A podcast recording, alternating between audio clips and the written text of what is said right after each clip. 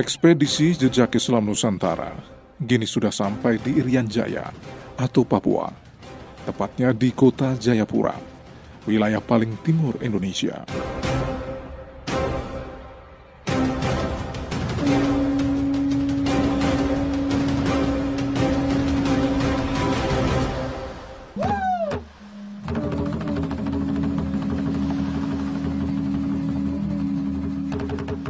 Mitra Muslim, saya lebih senang menyebut Papua dengan Nuwar, karena memang itulah nama asli bumi cendrawasih ini. Nuwar dikenal sebagai salah satu daerah penghasil emas terbesar di dunia. Tak hanya emas, sumber daya alam lainnya pun juga melimpah. Bumi cendrawasih ini sangat kaya, tapi kekayaan itu tak pernah mampu mengangkat derajat hidup masyarakatnya. Di sini, mayoritas warga hidup miskin. Bahkan sebagian besar warga masih tinggal di pedalaman. Itulah sebabnya, jika nama Nukwar disebut, maka yang ada dalam benak kita adalah hutan yang lebat, gelap, masyarakat yang primitif, dan tak ada cahaya Islam sama sekali. Pandangan seperti itu tentu saja salah.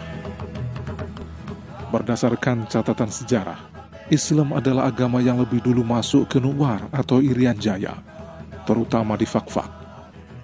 Salah satu bukti otentik keberadaan Islam itu adalah Masjid Patimura. Masjid ini telah berdiri lebih dari 200 tahun lalu, bahkan merupakan masjid tertua di Kabupaten Fakfak. Bangunan yang masih berdiri kokoh dan berfungsi hingga saat ini dibangun pada tahun 1870 oleh seorang imam bernama Abu Hari Kilian.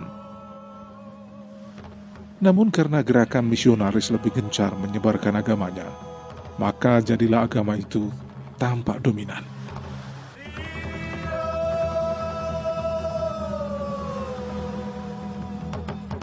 Para sejarawan Islam, peminat sejarah, dan sejumlah ustadz di Papua mengatakan Misionaris datang pertama kali pada 5 Februari 1855.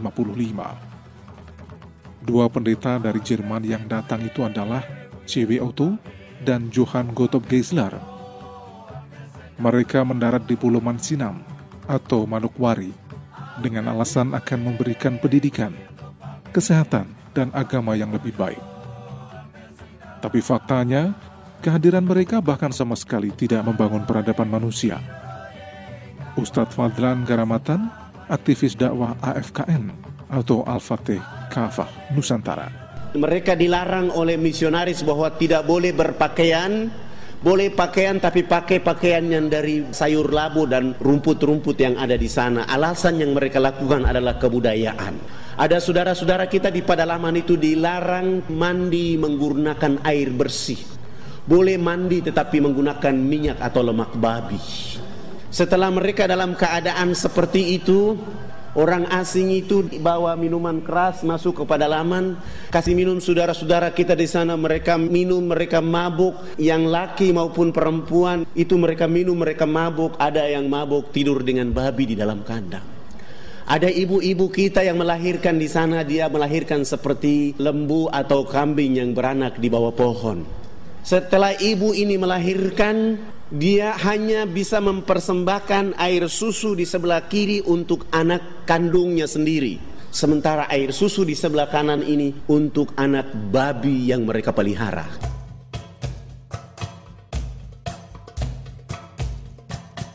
Agama Islam masuk wilayah Nuwar atau Irian Jaya sejak tahun 1214 Masehi, dibawa oleh Syekh Iskandar Sah dari Kerajaan Samudra Pasai lalu oleh Raden Fatah di tahun 1400-an. Berlanjut oleh Pataka dari Boni pada tahun 1611, lalu Sultan Tidore tahun 1816. Saat itu, dakwah Islam dari Samudra Pasai bergerak ke Jawa, Filipina, dan masuk ke Maluku Utara, lalu ke Fakfak. Hal ini disampaikan Ustadz Ali Atwa dari Hidayatullah. Jawa gitu ya, Jawa kemudian menyebar ke Jawa Timur segala macam ke Maluku abad ke-13an di sana kemudian berkembang di sana ada sultan-sultan ya, ada ada raja empat dari Fak-Fak ini. Biak juga ada karena Biak juga punya ikatan dulu pertuanan dengan kerajaan di Tidore. Jadi banyak sekali orang-orang pejabat-pejabat biak yang juga sudah masuk Islam ke sini. Kemudian sebagian lagi di Jayapura juga ada. Bahkan di Jayapura disebutkan karena di situ Islam juga sudah awal di sini. Saya mendapat laporan dari Ketua Majelis Ulama Indonesia kita sudah lama juga hadir di sini tahun 17-an. Kemudian disampaikan di situ ini Pak Putih foto-foto bagaimana makam-makam orang-orang Pakistan, dai-dai yang ada di sana, ada dengan peninggalan-peninggalan kaligrafi begitu disampaikan ke kita.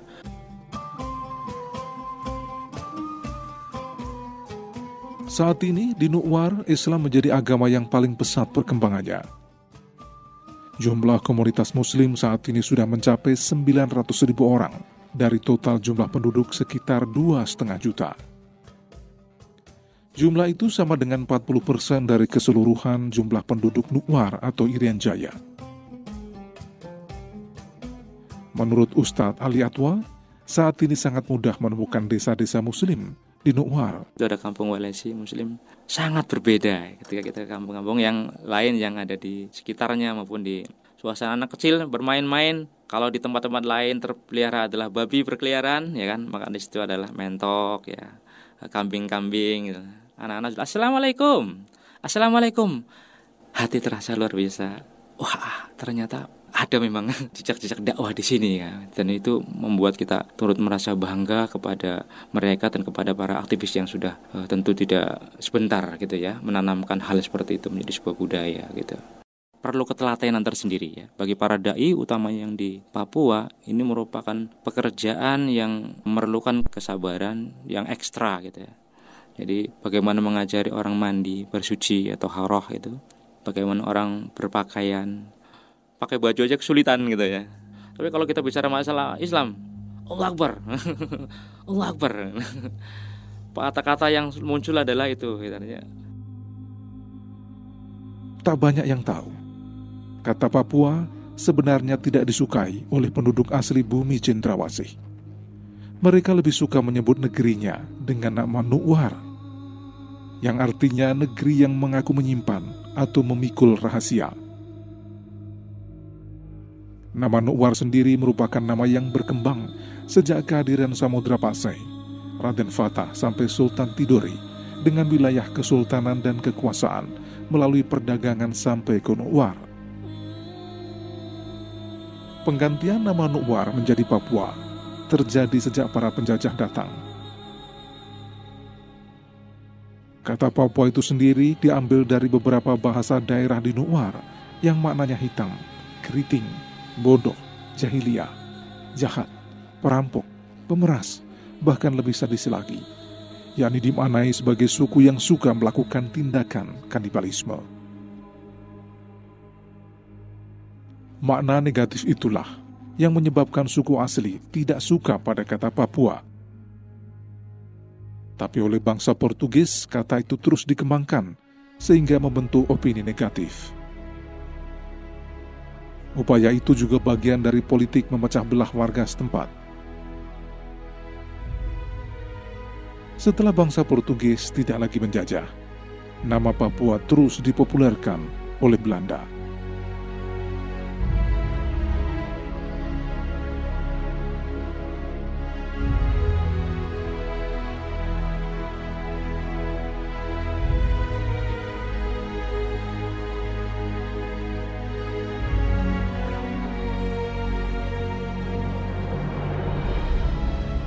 Mitra Muslim di pulau paling ujung timur Indonesia ini, ekspedisi jejak Islam Nusantara harus berakhir. Total sudah hampir tiga bulan saya melakukan perjalanan ke berbagai wilayah di tanah air untuk menelisik jejak Islam yang tersembunyi. Sebuah perjalanan yang sangat melelahkan, menguras tenaga dan pikiran,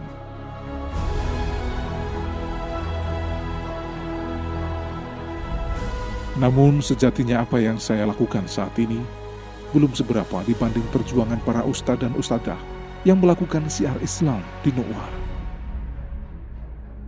Mereka dengan bangga selalu mengatakan, penduduk bumi Cendrawasih adalah cahaya-cahaya yang berbinar Mereka adalah mutiara-mutiara iman dari timur yang tersimpan.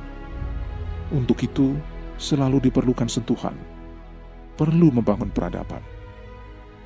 Dan inilah sepenggal kisah perjuangan Ustadz Fadlan Garamatan. Kami mengajak kepala-kepala ketua-ketua suku, kami bawa dia ke sungai. Sesudah itu kami bilang, tolong pakaian adat tradisionalnya dibuka dalam keadaan telanjang. Saya kata, ayo kita loncat masuk di dalam sungai. Saya ambil satu sabun saya berikan kepada salah satu ketua suku.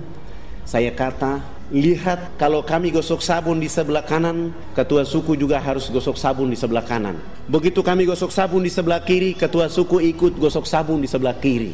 Begitu saya siram sampo di rambut saya, dia ikut siram di kepalanya. Dia mencium harum dari sampo langsung pergi tidak mau lagi siram dengan air.